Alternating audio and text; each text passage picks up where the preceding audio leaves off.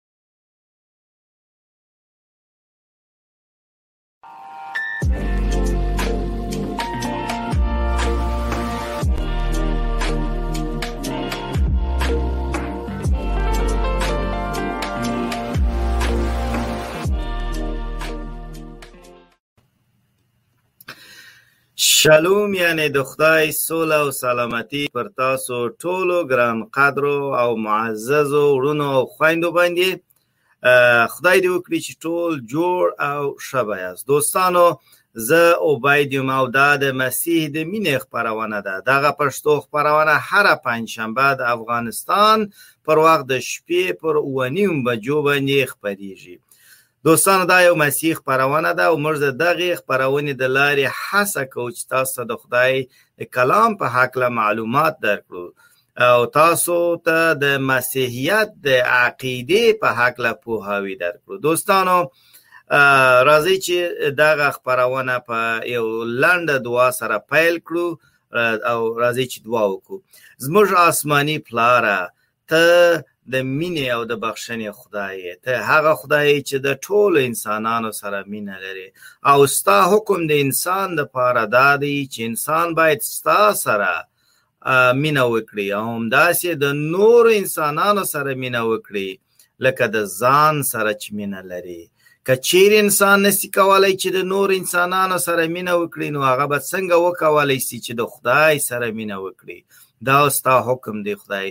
خدای موږ ستا د حکم څخه دا زده کوو چې ته د انسان سره مینه لرې او ته یو مینهناک خدای او ته غواړې چې انسان هم ستا سره او د نور انسانانو سره مینه ولري او هغه هم مینهناک اوسي مننه خدای د دې څخه چې ته همیشه را سره او موږ ته برکت راکوي موږ نن دعا کوو چې ته زموږ و دغې خپرونې ته برکت راکه او موږ ته برکت راکه دغه خپرونې ته برکت ورکه او خدای ته دغه دغه خبرونې څخه استفاده وکړه ترسو ستا کلام خلکو ته ورسیږي ترسو ستا حقیقت او خلکو ته ور بیان سي خدایا ته دغه خبرونه د هر ډول تخنیکی ستونزو څخه وساته مننه خدای چې همیشه را سره او زما دغه دعا وکړه ستا په لوی نامه باندې چې هغه یشو مسیح ده او ته زموږ ژغورونکی او مالک امین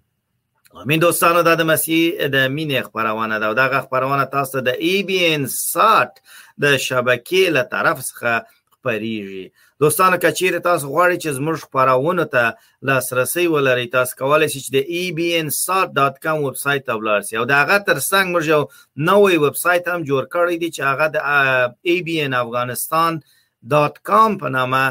یادیږي abnafghanistan.com په نامه او تاسو کولای شئ چې زموږ ویب سایت ته مراجعه وکړئ او په هغه ویب سایت کې به تاسو زموږ د خبرونو په اړه ټول معلومات ترلاسه کړئ دا سي دوستانو کچیر ته یو غواړي چې زموږ خبرونه د یوټیوب د لارې تعقیب کړئ نو زموږ د یوټیوب چینل نوم دی ABN Space Afghanistan ABN Afghanistan تاسو کولای شئ دغه نوم سرچ کړئ او په یوټیوب باندې او دغه زموږ شبکه ده د یوټیوب چینل دی او تل زموږ ټول خبرونه شتون لري تاسو کولای شئ زموږ خبرونه د یوټیوب د لارې هم وګورئ هم دا چې دلته موږ یو بل اپ لرو د سپریکر په نامه چې دغه دغه دغه اپ د لارې هم تاسو زموږ خبرونه په صوتي بڼه یعنی په ژغیزه بانه کولای سي چې تر لاسه کوي او غواږ ورته ونیسي دوستانو خبره دا ده چې دغه خبرونه دغه پښتو خبرونه د پښتنو د پاره د ټولو هغو خلکو د پاره چې پر پښتو ژبه باندې پیږي پښتو ژبه یې زده زده وي د هغو د ټولو هغو وړونو خویندو لپاره ده زموږ هڅه دا ده چې موږ او تاسو د خدای هغه خدای چې رښتنی او ژوندی خدای دی د هغه په اړه معلومات حاصل کو چې هغه خدای وپیژنو چې د هغه پر احکام باندې ځان خبر کو چې د هغه پر دساتیرو او قوانینو باندې ځانونه خبر کړو او وکول چې د هغه د د خواست په مطابق موږ خپل ژوند پر مخ بوزو داسې یو ژوند ولرو چې داغه د منلو وړ وي نو دا زموږ د خبرونه زموږ د خبرونه هدف یا موخه ده او دوستانو لکه څنګه چې تاسو په یوه زموږ خبرونه د سټلایټ د لارې هم خبرېږي تاسو کولای شئ زموږ د سټلایټ هغه فریکوئنسیانی چې دی هغه لاندې دلته په سب ټایټل د سب ټایټل په برخه کې وګورئ او تاسو کولای شئ دا فریکوئنسیان نوٹ کړئ او د سټلایټ د لارې هم زموږ خبرونه وګورئ او دا سه نورې انټرنیټي او کیبلی شبکې هم ست چې د هغو شبکو د لارې هم زموږ خبرونه خبرېږي چې تقریبا اته ویشت شبکې دي چې د ټولو شبکو نومان زه نسم اخیستلی خو تاسو کولی چې د هغو شبکو د لارې لکه اپل ټي وي آی پي ټي وي او داسې نور د لارې هم زموږ خپرونې تعقیب کړئ او وګورئ اوس راځئ چې بلاړ د خدای د کلام پر لور او خپل د خبرونې عنوان تاسو ته در معرفي کړو زموږ د خبرونې عنوان دا دی چې خدای خپل په کلام کې وایي چې تاسو خپل په کلام کې وایي چې تاسو سراغ د دې د پاره سراغ با چې پر سراغدان باندې کښې شودل سي تر څو خلکو داغه رڼا وویني زموږ د خبرونې عنوان دا دی چې سراغ باید پر څراغبان، څراغدان باندې یا د څراغ ځای له پاسه ایښودل کیږي نه تر کاسې لاندې څراغ د څراغ ځای له پاسه ایښودل کیږي نه تر کاسې لاندې او د ده د خدای د کلام د دغه وینا هدف دا دی چې ستاسو ایمان د نړۍ رڼا ده ستاسو ایمان د نړۍ چې د نړۍ چې شری رڼا ده یعنی خپل ایمان ما پټوي یعنی خپل ایمان د نور سره شریک کړي یعنی خپل د ایمان څخه شرم ملري خپل د ایمان په وجه ما بیریږي ستاسو ایمان چې دی داسې ورڼا ده چې باید چې په دنیا کې وزلیږي او خلک ویني او خلکو ته دا سوال پیدا سي چې دا رڼا دا ستا ایمان چې دی دا پر چا باندې دی او کله چې ته ورته وایي چې زما ایمان پر رښتنی او ژوندی خدای باندې چې د هغه نوم یشو مسیح دی دی نو هغوی بیا پر مسیح باندې ایمان راوړي نو سړی د دې لپاره څراغ نه روښانه کوي نه لګوي چې هغه تر کاسې لاندې کښیږدي بلکې څراغ چې کله روشن کیږي کله چې لګیږي خلک یې پر څراغ دان باندې یږدي پر څراغ ځای باندې یږدي تر څو هغه چې شي وکي نور خلکو ته رڼا ورکړي تر څو هغه څراغ خونه روښانه کړي او خلک خلکو ته خپل روشنایی ور وزلوي نو دوستانو د مسیح دا د مسیح کلام دی چې د خدای په کلام کې ذکر شوی دی او د خدای کلام دا سره توای د متا د کتاب د پنځم باب په سوار لسم آیات کې دا سره توای راځي چې د خدای کلام وایو وای تاسو د نړۍ د پاره رڼا یاست کوم ښار چې پر غره باندې جوړ سوی وي هغه پټېدلی نسی هیڅوک څراغ د دې لپاره نه بلوي چې هغه د کوم لوښي لاندې کښېږدي چې پټ سي بلکې هغه پر څراغ باندې ږدي پر څراغدان باندې ږدي چې د کور ټولو خلکو ته رڼا ورکړي پرېږده چې ستاسو رڼا په خلکو باندې همداسې وځلیږي تر څو ستاسو نیک کارونه وویني او ستاسو پلار ته چې په اسمان کې دی جلا ورکړي دوستانو د خدای کلام دلته راته وایي چې تاسو د نړۍ د پاره د نړۍ د پاره چې شیات رڼا یاست کوم ښار چې په غره باندې جوړ شوی وي هغه پټېدلی نسی د دې هدف چې شي دی وای تاسو د نړۍ د پاره د نړۍ د پاره چې شي اس رڼا رڼا یاست د دې هدف چې شي دی د دې هدف دا دی چې تاسو ایبان تاسو دغه مسیحي ژوند هغه ژوند چې د خدای د کلام د سپیشلی کتاب پر بنسټ دی د سپیشلی کتاب د د تعالیم پر بنسټ دی هغه ژوند چې د خدای د خواست او مطابق دی هغه وای د ورنا په شان دی چې هغه باید وزلیږي په دنیا کې یعنی خلک تاسو کله چې په دنیا کې ژوند کوي کله چې تاسو زی د خلکو سره ګرځي د خلکو سره کښینی ولاړیږي کله چې تاسو زی په هر ځای ته چې تاسو زی یا په هر ځای چې تاسو موقعیت لري وای حالت باید چې تاسو رڼا وزلیږي د دې هدف دا دی چې دا دنیا چې دا یو تاریکه دنیا ده دا دنیا یو تاریکه دنیا ده او دغه تاریکې دغه تاریکې ته بیا چې شي وای ګناه وای د ګناه په وجه دنیا تاریکه ده خلک حقیقت نه ویني ځکه چې دنیا تاریکه ده خلک د خدای لار نس پیدا کولای ولی ځکه چې دنیا تاریکه ده خلک نس کولای چې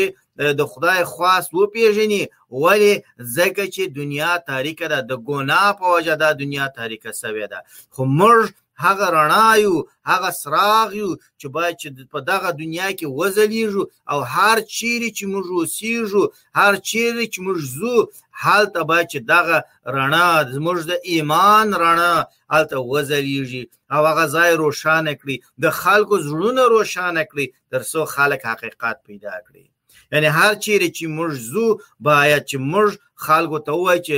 خدای ستا هغه حقيقي او ژوندۍ خدای چې د بشر سره مینه لري هغه میناناکه خدای هغه خدای چې خلکو ته بخښنه کوي هغه ستا هغه شتون لري او زه پر هغه باندې باور لرم زموږ اعمال زموږ فکرونه او زموږ خبري او وینای به چې د خدای د کلام په مطابق وي تر څو خلکو ته د برکت وړ وګرځيږي تر څو د خدای د جلال د نوم د جلال وړ وګرځيږي تر څو موږ ته برکت راکړي خلکو ته برکت ورکړي موږ باید چې زموږ اعمال زموږ فکرونه او زموږ ویناوي باید چې خلکو ته برکت ورکړي یعنی د غوی د برکت وړ وګرځيږي یا خلک کله چې زموږ اعمال وویني خلک کله چې زموږ ویناوي واوري خلک چې کله چې زموږ فکرونه وسیړي نو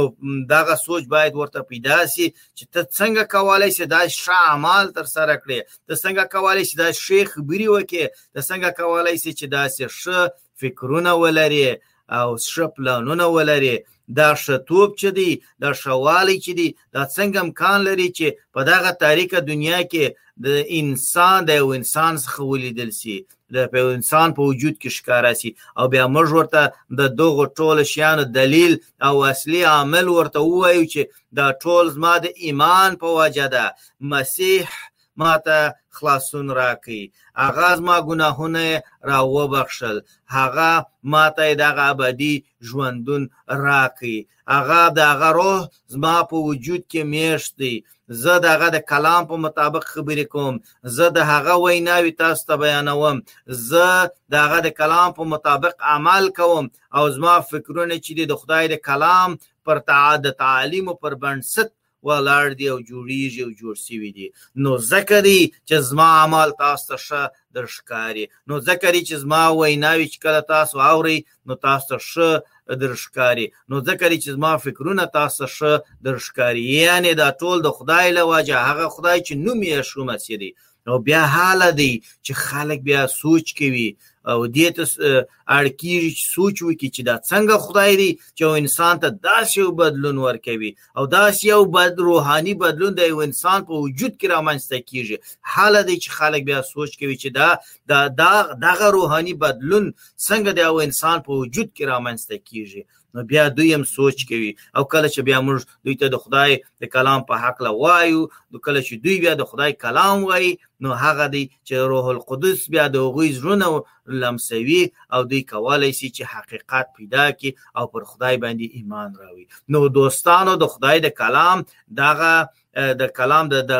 دغه برخه هدف او مخه دا ده دوستانو چې خپل ایمان ما پټوي خپل سس ایمان باید چې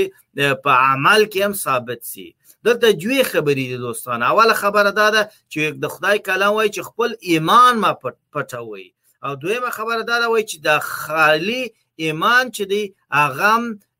د هیڅ انسان درد نسی دوا کولای نو باید چې د ایمان سره د ایمان عمل هم ور سره وي د ایمان عمل چشته وای ش فکرونه ش اعمال شی ویناوې دا به چې ستا په ژوند کښې موجود وي دوستانو نو باید چې موږ چې هر چیرې ځو د یو څراغ په شان چې هغه د ایمان څراغ وي د یو د یو د یو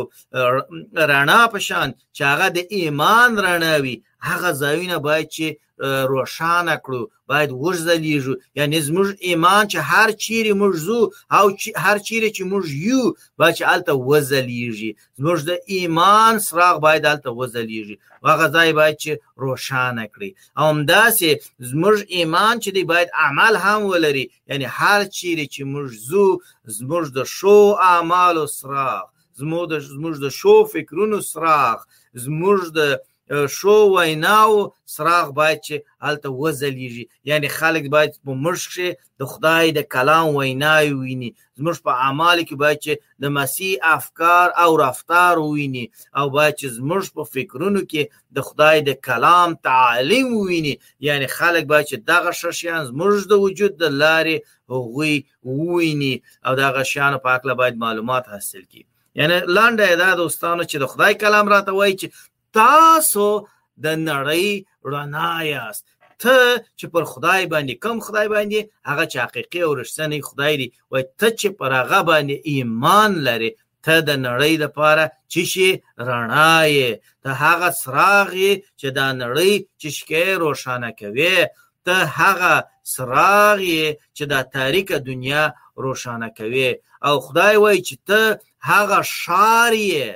چې پر غره باندې جوړ شوی یې او ته خپل ځان نسې پټولای ته باید چې خپل ځان پټ نه کې یعنی موږ د ایمان هغه ښار یو چې د غره پر سر باندې د غونډۍ پر سر باندې جوړ شوی او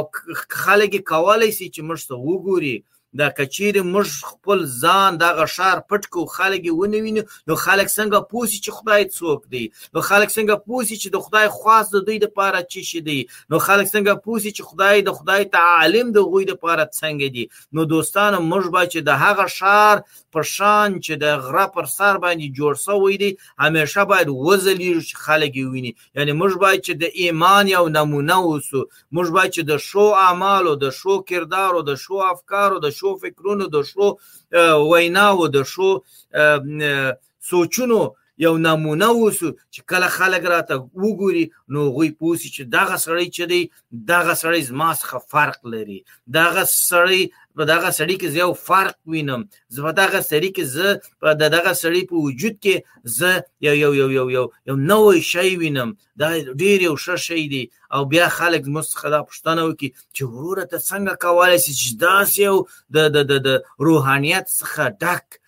داسې یو د د د د د د شو اعمالو او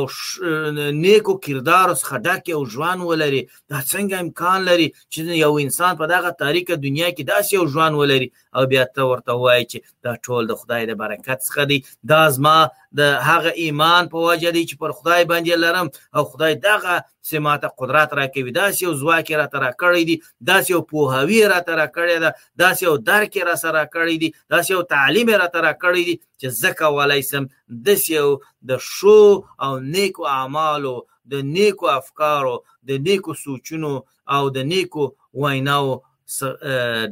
چې شي ډک یو ژوند ولرم نو دوستانو دا د خدای کلام دی ګوري کله چې د خدای کلام وایي چې تاسو د نړۍ چې شیاست رڼا یاست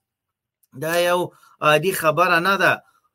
خدای خپل په کلام کې داسې ویلی دی چې زه هم د نړۍ زه د نړۍ چې شم رڼا یم زه د نړۍ د پاره چې شم رڼا یم خدای دغه خبره کړې ده خپل په واجه خپل د ذات په واجه کې هم داسې خبره کړې ده چې زه د نړۍ د پاره چې شم رڼا یم او دلته بیا خدای موږ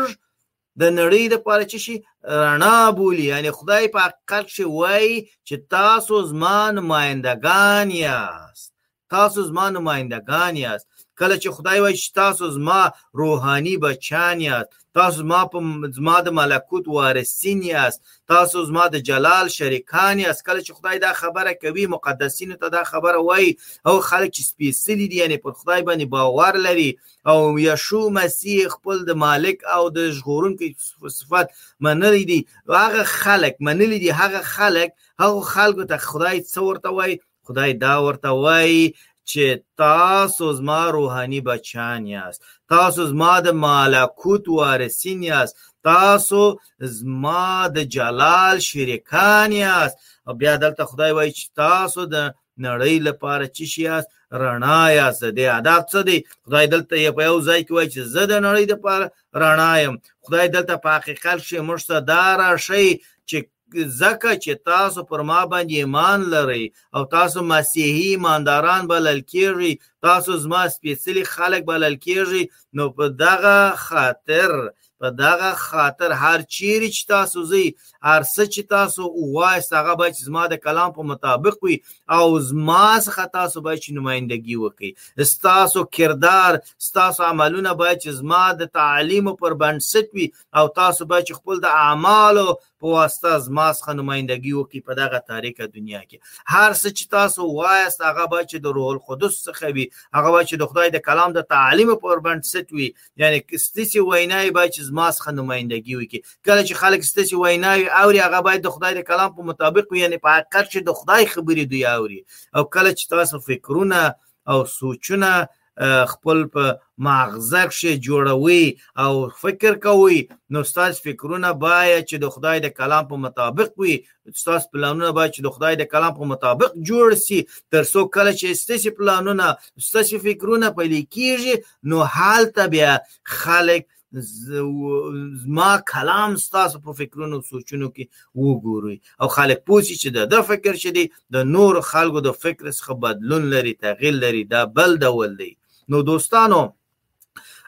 خدای کلام د یوحنا د کتاب د اتم باب په دولسم آیت کې دا سی وای و یشو یو ځل بیا د خلکو سره خبري وکړي او وی ویل چې شی ویل زه د نړۍ د پاره رڼا یم څوک چې زما پیروي کوي هغه به په تیاره کې نه ګرځي بلکې د هغه سره به د ژوندون رڼا وي مسی وای زه د نړۍ د پاره چې شم رڼا يم او دلته بیا نسی چې شو مسی بیا چې شوی وای تاسو د نړۍ د پاره رڼا یاست ګورې دوستانو خدای موږ ته دا عزت راکوي موږ ته دا موقف راکوي موږ ته دا مقام راکوي موږ ته دا ارزښت راکوي چې هغه خپل د نړۍ د پاره رڼا دی او موږ هم د نړۍ د پاره رڼا بولي د خدای دغه دغه باور ته وګورئ د خدای دغه اطمینان ته وګورئ چې پر انسان باندې لري هغه انسان چې ایماندار دی پر خدای باندې ایمان لري هغه مؤمن انسان چې خدای مني کوم خدای چې نوم یې شو مسیح دی پر هغه باندې داسې او اطمینان پر هغه باندې داسې او اعتماد دا د خدای مینه د انسان سره شي چې انسان ته څنګه ارزښت ورکوي او څومره انسان ته د انسان سره مینه لري او دوستانو خدای وایي زه د نړۍ د پاره رڼا یم تاسو د نړۍ د پاره رڼا یاست ګوري دا ډیر یو لوی ویاړ دی دا ډیر یو لوی افتخار دی د هغه مسیحي د هغه مقدس د هغه سپیڅلي سړي د پاره چې هغه پر خدای باندې باور لري او خدای وایي چې ته زما نماینده یې ته زما سفیر یې په دنیا کې زما سفیر څوک دی زما د سفارتخانې سفیر یعنی زما د ملکوت سفیر څوک دی هغه ته یې وایي ته زما نماینده یې هر چیرې چې ته ځې زه د دنیا دپاره رڼا یم او زه چې په تا کښې ژوند کوم خدای وایي زه ته چې مې بدن یې او زه دې سر یم هر چیرې چې ته ځې هر چیرې چې بدن ځي سر هم ورسره ځي یعنی خدای وایي زه رڼا یم او ځکه چې ته زما بدن یې نو ته هم رڼا یې هر چیرې چې ته ځې زه هم در سره ځم هر چیرې چې ته ځې زه در سره یم هر چیرې چې ته ځې زما رڼا ستا په واسطه په دنیا کې ځلیږي او دا تاریکه دنیا روشانه کوي دا د خدای کلام دی نو دوستانو دوی خبرې اوله خبره دا ده چې مسیح وایي چې د مسیح وینا څه شي ده مسیح وایي چې خپل ایمان ما پټوي دا ډیر یو لوی افتخار دی دا ډیر یو لوی ویاړ دی چې موږ پر مسیح باندې ایمان لرو چې موږ مسیحي ایمانداران بلل کیږو چې موږ د حقیقي د د ژوندي او او د درشتنی خدای چې شیو مؤمنان یو نو دا یو ډیر یو لوی افتخار دی د ټوله د پاره زموږ د ټوله د پاره نو ولی بیا زه ولاړ سم او خپل ایمان د خلکو څخه پټ کم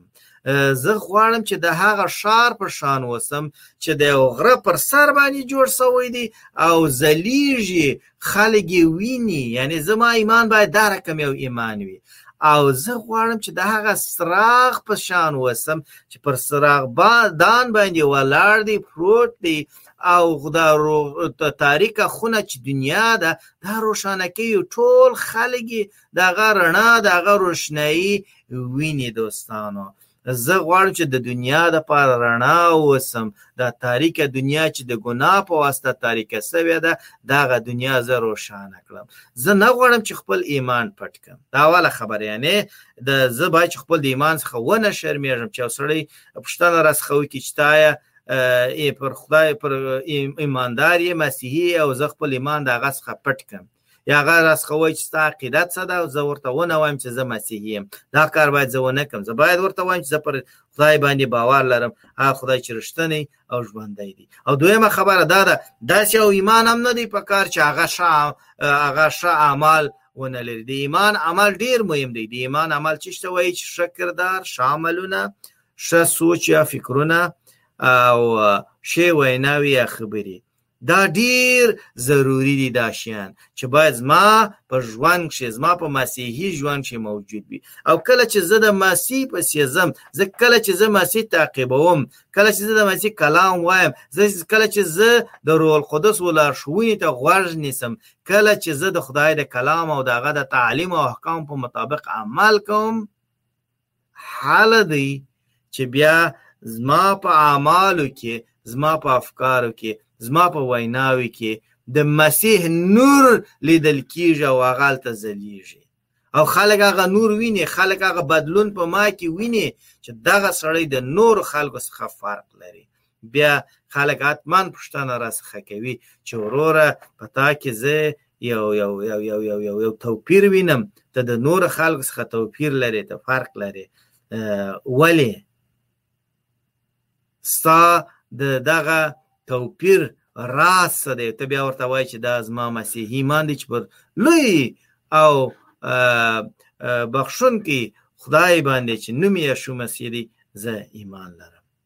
دوستانو راځي چې اوس یو دمه واخو او یو ښکلی مسیحي سرودم واورو او د دغه دمې څخه وروسته بیا به راسو خپل خپرونې ته ادامه ورکړو او دغه موضوع په حقله وږغیږو چې زه ولې زه څنګه کولای شم چې په دنیا کې رڼا اوسم او د دنیا د پاره رڼا اوسم او دا تاریکه دنیا روشانه کړم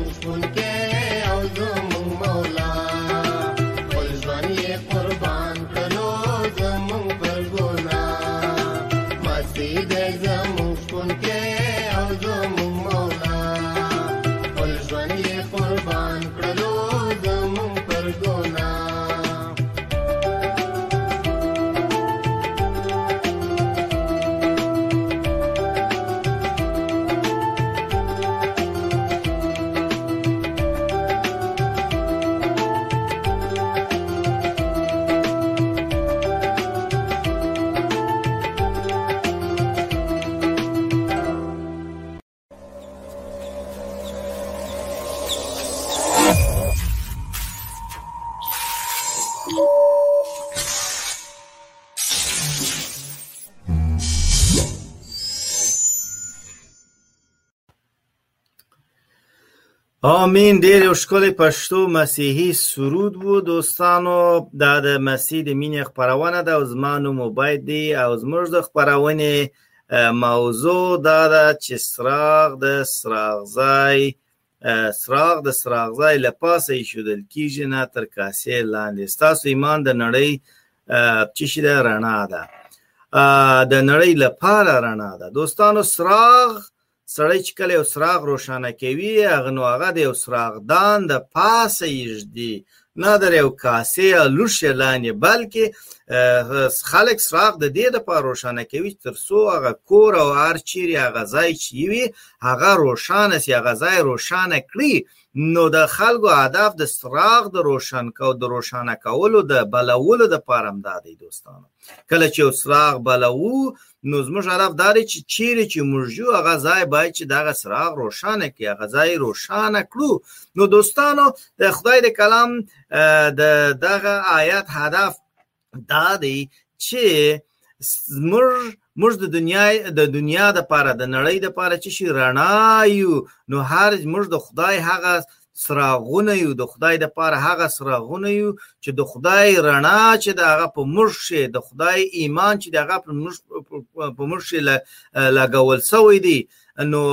موږ باید چې هر چیرې زو د خدای کلام هلته خلکو ته ورورسو د خدای د ذات په حق له باید خلکو ته معلومات ورکړو د خدای په حق له باید خلکو ته ووایو او د خدای د خدای د کلام تعلیم باید خلکو ته ورورسو او د خدای د کلام احکام باید د خلکو سره شریک کړو تر څو غوي د خدای په حق له او دغه د احکام په حق له معلومات حاصل کړي د دغه خدای د کلام د دغه آیات هدف همدا دی د خدای کلام د زبور داود نبی د زبور په یو سلو یو سلو نونسم باب شه د یو سلو نونسم باب په یو سلو پنځم آیت شه دا سی وایي چې ستا کلام زما د پښو د پاره سراغ دی او زما د لارو د پاره رڼا ده ما قسم خوړلی دی چې ټینګ ور باندې درېږم ټینګ ور باندې ولاړ یم د دې هدف چې دی د دې هدف دا دی چې د خدای کلام چې دی زموږ د پاره یو رڼا ده دلته چې زموږ د پښو د پاره هدف دا دی چې یعنی د خدای کلام هغه رڼا ده هغه سراغ دی چې زموږ لار روښانه کوي او موږ خپل لار وینو او موږ پښې بیا غ رڼا تعقیبوي او موږ کولای شو چې د خدای پر لار باندې ولاړ شو د خدای کلام هغه څراغ دی چې د خدای لار راښي د خدای لار راته روښانه کوي تر څو موږ شي یعنی موږ وکولای شو د خدای پر لار باندې ولاړ شو او ما قسم خورړی دی خوړلې دي چې ټینګ ور باندې ودرېږم یعنی د دلته څه وایي داود نبی وایي چې ما دا عهد او دا پیمان او دا پریکړه مې د خدای سره کړې ده چې کله چې زه ستا کلام وایم او ستا کلام د یو څراغ په شان ستا لاره راشي نو زه پر هغه لاره باندې زم او هغه لاره بیا زه تعقیبوم د مسی وای چې زه د نړۍ د پاره رڼا یم او مسی چې دی هغه سراغ دی موږ چې پر مسی باندې ایمان راوړو داغه څخه پیروي کوو داغه د لارې لاراویان کیږو نو موږ بیا د مسیح لاره تعقیبوو هر چیرې چې مو مسیح بیایي په هغه پسې ځو هر هغه کار چې مسیح تر سره کړی وي هغه کار موږ هم تر سره کوو هر هغه خبره چې مسیح ویلی وي هغه خبره موږ هم وایو او هر هغه فکر چې مسیح ولري موږ هم د هغه فکر او سوچ پر بنسټ باندې خپل فکرونه عیارو مطلب دا دی چې شې دي چې د مسیح کوم اعمال د مسیح کوم ویناوي او د مسیح کوم سوچ چې موږ د خدای په کلام کې وینو موږ د هغه څخه موږ ټول هغه تعقیبو د هغه څخه پیروي کوو یعنی هر هغه څه موږ اعمال باید چې د مسیح د کلام په مطابق وي زما ویناوي باید چې د مسیح د کلام په مطابق وي او زما سوچ چې دی هغه به چې د مسیح د کلام په مطابق وي نو دوستانو ملګرو راځي چې موږ او تاسو د خدای د کلام څخه د کلام د دغه برخ څخه یو شی زده کړو او هغه دا دی چې خدای وای چې زه د نړۍ د پاره رڼا یم او بیا خدای دغه ویاړ مشترک کوي او مشته هم وای چې تاسو د نړۍ د پاره رڼا یاست خدای ولې دا خبره کوي ځکه چې دای وایي چې مسیح ستاسو سر دی او تاسو د مسیح بدن یاست کله چې مسیح زما سر وي او هغه د نړۍ د پاره رڼا وي نو زه چې بدن یم زه هم د نړۍ د پاره رڼا یم مسیح ماته دا افتخار را کوي ماته دا قدرت را کوي ماته دا ځواک را کوي پر ما باندې دا اعتبار او اطمینان لري چې ما د نړۍ د پاره رڼا بولی او ماته وایي چې هر چیرې چې ته ځې ته باید چې خلکو ته زما په باره کې ورته ووایې نو دوستانو دا د خدای کلام دی د خدای د کلام یو بل یو بل برخه شاغه د یوحنا د اوله رساله ده د یوحنا د اولې رسالې د اول باب پنځم آیت داسې وایي دا هغه پیغام دی چې موږ د مسیح څخه واورېدلو او تاسو پرې خبروو چې خدای نور دی یعنی رڼا ده او په هغه کښې هیڅ تیاره نسته په خدای کښې هیڅ تیاره نسته که چیرې موږ په خولې دا ووایو چې د خدای سره شراکت لرو خو په تیارو کښې ګرځو نو بیا موږ درواغجن یو او په حق عمل نه کوو خو که په موږ کښې د خو که موږ په, په نور کښې ګرځو خو که موږ په نور کښې ګرځو لکه څنګه چې هغه په خپل په نور کښې دی نو بیا موږ په خپلو کښې شراکت لرو امين دوستان وای چې خدای رڼا ده خدای نور دی او په خدای کښې تیاره نسته دوستانو نو دلته واضح خبره ده چې د خدای ذات چې دی هغه د خدای په ذات کښې تیاره نسته ځکه چې تیاره ګناه ته وای خدای د ګناه څخه پاک دی خدای د ګناه څخه پاک دی په خدای کښې ګناه نسته خدای د رڼا په شان دی ځکه چې هغه سپېڅلی دی خدای رڼا دی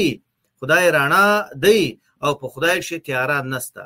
نو کله چې موږ پر خدای باندې ایمان راوړو او خدای منو او پر هغه باندې موږ اعتماد او توکل کوو خدای موږ ته هم دا افتخار راکوي موږ ته هم دا افتخار راکوي چې موږ د نړۍ لپاره رڼا اوسو خدای ولی دا کار کوي ځکه چې زموږ هغه پر موږ باندې اطمینان لري او زموږ څخه دا تمه هم لري چې دغه مسیحي چې دی دغه سړی چې دی دغه ښځه چې ده دغه انسان چې دی چې پر ما باندې ایمان لري دغه مؤمن دی به زما د کلام څخه اطاعت کوي دی به زما د کلام د تعالیم پر بنسټ عمل کوي د د عمل د د وینا د د سوچ به زما د کلام په مطابق وي نو کچیر یو مسیحي د خدای د کلام پر بنسټ خپل عمل خپل سوچ خپل وینا ولري یعنی ولري او داغه سوچ داغه عمل او داغه وینا د خدای د کلام پر بنسټ وي نو هغه مسیح چې هر چیرې ولاړ سي داغه په واسطه به د خدای نور الته وځلیږي هغه به د خدای هغه سراغ وي چې هر چیرې چې باغه زی هغه ځای به روښانه کوي یعنی هر چیرې چې به دغه مسیحي ولاړ شي هغه به ښه اعمال ښه فکرونه ښه ویناوې خپل په ژوند کښې ولري هغه به د هغه به خلکو ته د برکت وړ وګرځيږي خلک به د هغه څخه د خدای برکت واخلي خلک به د هغه په وجود کې د خدای دغه روحاني بدلون وویني که چیرې موږ د خدای د کلام په مطابق عمل نه کوو هغه بیا جلا خبر ده خو که چیرې یو مسیحي پر خدای باندې باور لري او د خدای سره دغه تعهد یا تړون هم لري چې خدای زه غواړم چې ستا په شان عمل وکم زه غواړم چې زما ویناوې ستا د کلام پر بنسټ وي زه غواړم چې زما سوچونه او فکرونه ستا د کلام په مطابق وي کچیرې دا تړون موږ د خدای سره لرو او خپل د تړون په مطابق عمل کوو نو موږ هغه څراغ یو چې د دنیا د پاره چې هر چیرې لاړ سو هغه ځای روښانه کوو دا زما نور نه دی چې زلیږي دا د خدای نور دی چې زما په واسطه زلیږي ځکه چې اصلي او حقیقي نور او رڼا خدای دی دا خدای دی چې ماته دا ارزښت راکوي دا قوت او ځواک راکوي چې د وسیلې په شان یو څراغ په شان هر چیرې چې زه ځم د خدای نور زما په واسطه وځلیږي زه هغه وسیله یم او بل خبره دا ده دوستانو بل خبره دا ده چې د خدای دغه اطمینان او دغه اعتماد پر انسان باندې دا پرشتیا سره چې د قدر وړ دی چې خدای دون اعتماد او اطمینان پر چا باندې کوي پر یو انسان باندې کوي او انسان ته دا ځواک ورکوي انسان ته دا پوهه ورکوي انسان ته دا حکمت ورکوي انسان ته دا قدرت ورکوي چې هغه دې ولاړ شي او د خدای په نمایندګي په دنیا کې وځلیږي دا ډېره یو ښه خبره ده دوستان نو دوستانو کله چې خدای داسې یو ارزښت د انسان لپاره قایل دی او کله چې خدای ان پر انسان باندې داسې یو اعتماد او داسې یو اطمینان لري او کله چې خدای انسان ته داسې یو برکت وربخښلی دی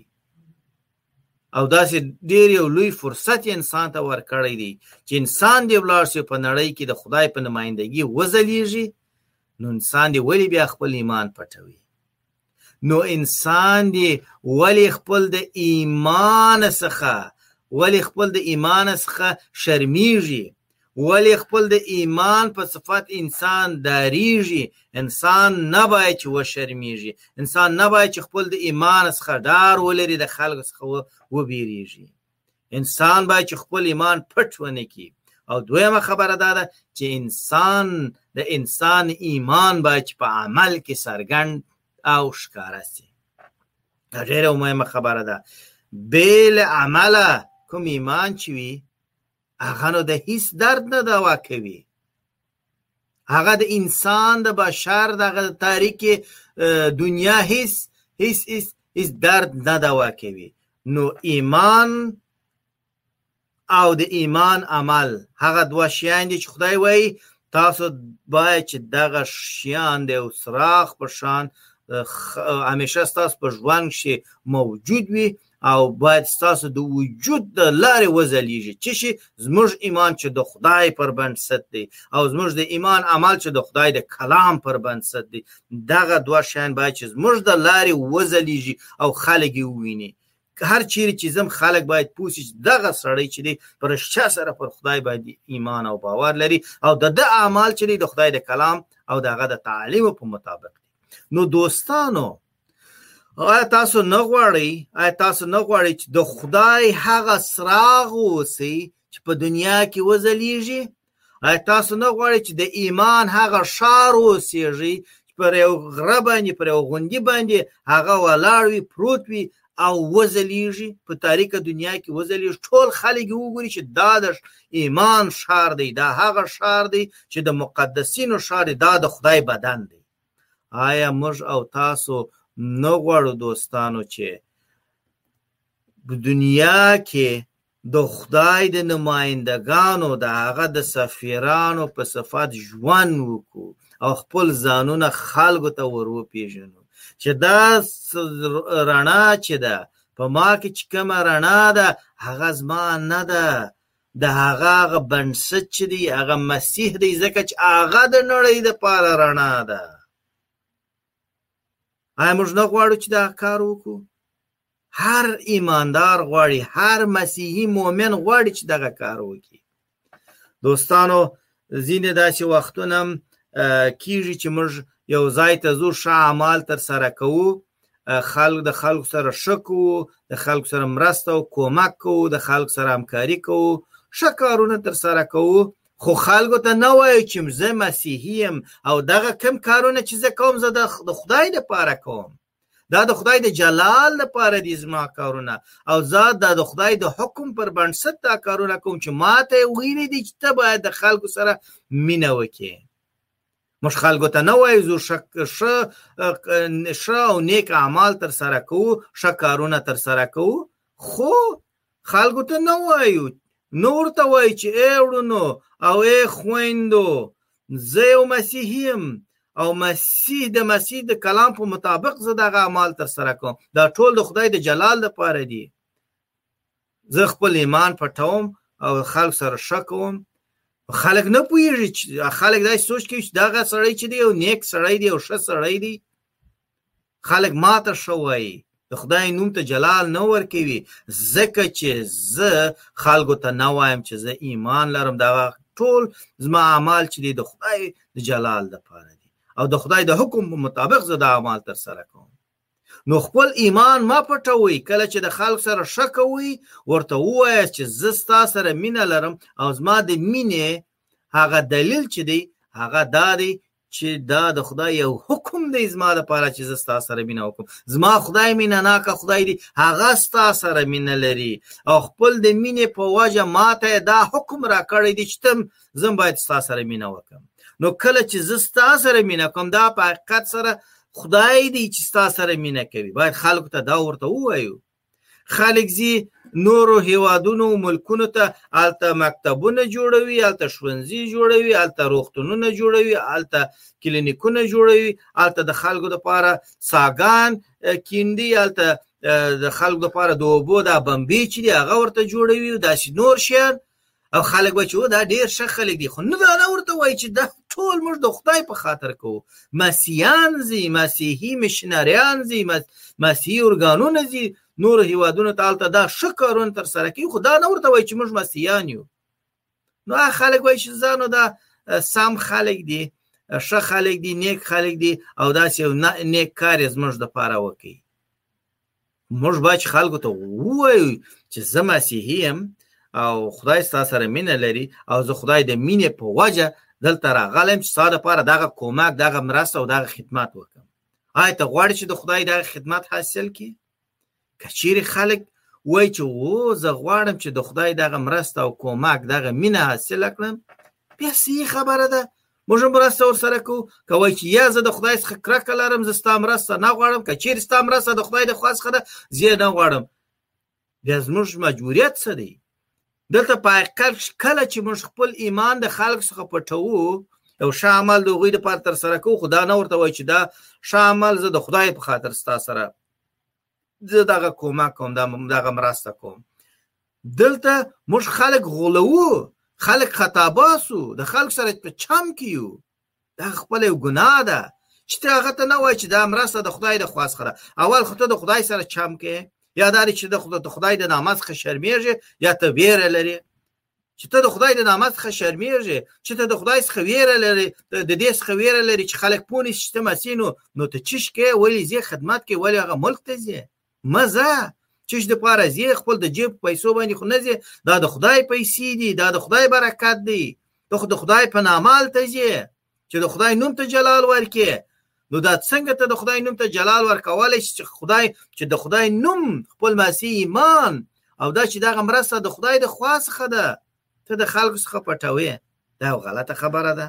نو هر چیرې چې موږ زو باید چې خلکو ته وایي چې موږ مسیحیان یو او دا کومه مرسته چې موږ در سره کوو دا د خدای د خوا څخه که نه ورته وایو د هغه څراغ په شان یو چې تر کاسې یا لوښې لاندې یو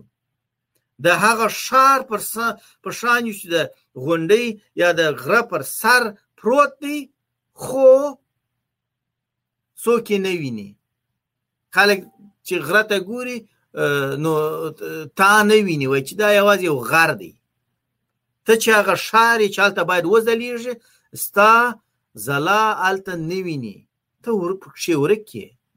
او ته د هغه څراغ په شان یې چې خپله خاموش یې بل نه یې هر چیرې چې ځې په تاریکه کې تم په تاریکه کې ګرځې یا یو مسیحي یو مسیحي مؤمن داسې یو کار نه کوي